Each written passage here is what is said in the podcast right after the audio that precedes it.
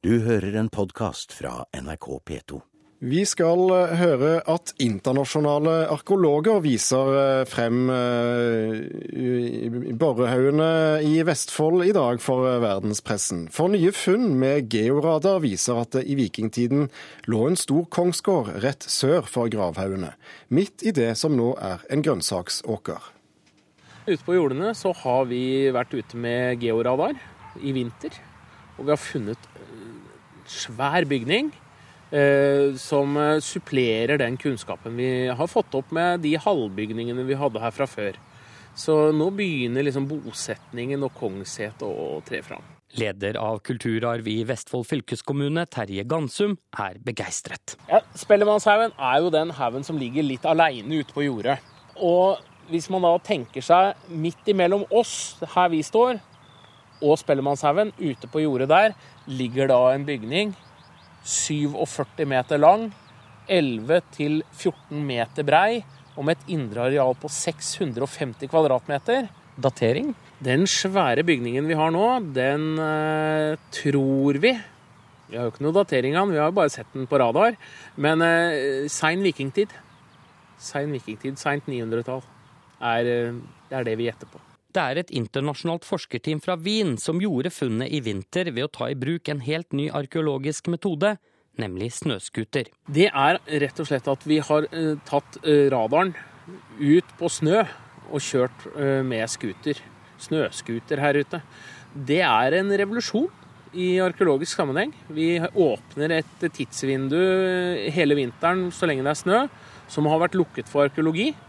Og nå ser vi for oss at dette her er virkelig framtida. Og, og, vi skåner bonden og trenger ikke å, å, å tilpasse oss verken dyrkning eller slåtter eller pløying eller noen ting. Så, så, dette gir virkelig store vyer, altså. Hva tenker du om nå at uh, disse funnene blir lansert samtidig med Stonehenge? Vi er eh, samarbeider med Ludvig Boltzmann-instituttet i Wien og Norsk institutt for kulturminneforskning. Og det sier jo sitt, da. Når de i Wien sier at det er to ting vi vil legge vekt på når vi går ut med en stor uh, presseslipp. Det er uh, Stonehenge, som er verdensberømt, og så er det vikingtiden og Borre. Norge har allerede sendt en søknad til Unesco om å få borrehaugene inn på verdensarvlista. Den nye oppdagelsen tyder på at Vestfold fylkeskommune har skutt blink. Det sier prosjektleder Anitra Fossum. Ja, Dette her det er jo bare enda en gang. altså. Vi sitter på noe av det ypperste i Vestfold. Vikingtid i Vestfold. Det slår i hele verden. Så når det nå kommer med resultater fra Stonehenge, så er det bare enda en gang at vi får sett hva, at vi sitter på verdenshistorie i Vestfold. Hva skal dere egentlig gjøre videre nå da? Nå skal Vi jo, vi prøver jo nå også å få grep om hele Borre da, som kongssete i, i, vikingtid og, og, tiden eh, før det. Nå har Vi jo liksom, vi har gravfeltet, vi har de kongshallene som vi fant i 2007 her nede. Nå begynner vi å få opp den store gården. Så vi får jo en helhet i, på hele Borre hva det har hatt å by på. Og nå med de nye metodene så kan vi da velge ut steder som vi kan gå inn og gjøre de vanlige arkeologiske undersøkelsene for å få nøyaktige dateringer. Kanskje finner man noen fine gjenstander, og man får sånn hands on. Og det er jo ingenting som slår det til syvende og sist. Sa Anitra Fossum, prosjektleder i Vestfold fylkeskommune, og reporter i Borreparken var Rune Jensen. Knut Påske, leder for arkeologiavdelingen ved Norsk institutt for eh, kulturminneforskning. Hvor viktig er disse funnene ved borrehaugene? Ja, som det ble sagt her, så er jo dette med å fylle ut et bilde vi på mange måter kjenner allerede. allerede. Et stort, monumentalt og veldig flott gravfelt som ligger ved fjorden i Vestfold. Eh, sånn sett har det vært kjent lenge, men etter hvert har det dukket opp et bredere funnbilde i dette området. Det ble nevnt her at det er gjort funn av hus tidligere også. Men denne gangen er jo det spesielle for første er jo dette at det er funnet vinterstid. Det er jo helt nytt for oss. Men også den detaljkunnskapen vi her får fram. Altså, Jeg mener faktisk at hvis dette hadde vært gravd for hånd, er det ikke sikkert at vi hadde fått sett huset i de detaljene vi ser på disse bildene vi har klart å få fram her sånn.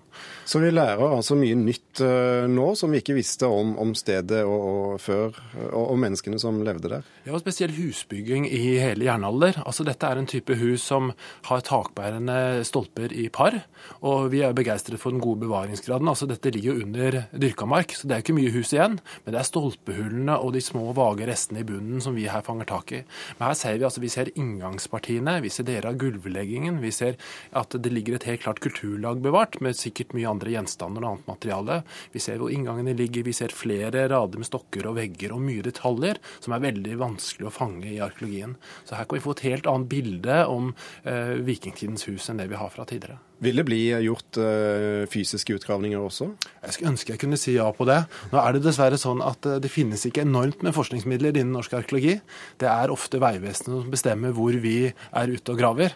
Men det er klart, er det noe vi har virkelig lyst til, så er det å undersøke dette huset nærmere. Men det kan jo faktisk hende at de bildene vi har fra G-radaren er så gode at det er kanskje begrenset uh, vi kan faktisk finne med å grave det ut. Da. Kanskje det rett og slett skal få ligge. Ja, Det er kanskje budsjettene da, som har tvunget fram denne nye teknologien med, med snøscooter og, og georadar? Ja, dette er jo del av et større internasjonalt forskningsprosjekt, og, og vi på NICU leder den norske delen av det. Og, og, Målet her er å finne nye metoder som for det første kan være med å gjøre arkeologi mer effektiv og kanskje også rimeligere, men ikke minst, og like viktig, er at vi skal få bedre resultater. Altså Det vi trenger, er eh, et prioriteringsverktøy. Det ligger arkeologiske kulturminner under dyrka mark i store deler av landet veldig mye spennende funn, og alt er i dag fredet. Eh, som arkeolog skal jeg gjerne tatt vare på alt sammen. Det går jo som kjent ikke. Det råtner, tidens tann osv. Men vi trenger altså få oversikt og få kartlagt dette på en raskere måte, sånn at vi kan gjøre de rette prioriteringene og ta vare på og undersøke de mest spesielle og mest interessante objektene. Har dere allerede sett ut områder eh, for å, å, å, bruke denne nye teknologien? Ja, Vi begynte jo i Vestfold, og det var som kom fram av reportasjen her, ikke uten grunn. Der er det veldig mange spennende områder. Men samtidig har vi bare jobbet i Vestfold så langt. Vi skulle veldig gjerne testet ut eh, denne metodikken i større deler av landet. Det finnes mange steder hvor vi har både spennende vikingtid og andre perioder, hvor vi absolutt har behov for å ta denne teknologien i bruk. Er det sånn at eh, dere er avhengig av snø for å, å eh, bruke teknologien? Nei, Det er jo faktisk tredje året vi jobber i Vestfold eh, nå, og vi har kjørt så langt på sommerstid. Så dette vinterforsøket er, det, det er vel verdens første i denne målstokk. Og det var helt nytt for oss. Vi, vi håpet det skulle gå bra, men det som viser seg at georadaren ligger veldig tett ned på bakken. Det er ikke noe luft mellom instrumentet og bakken.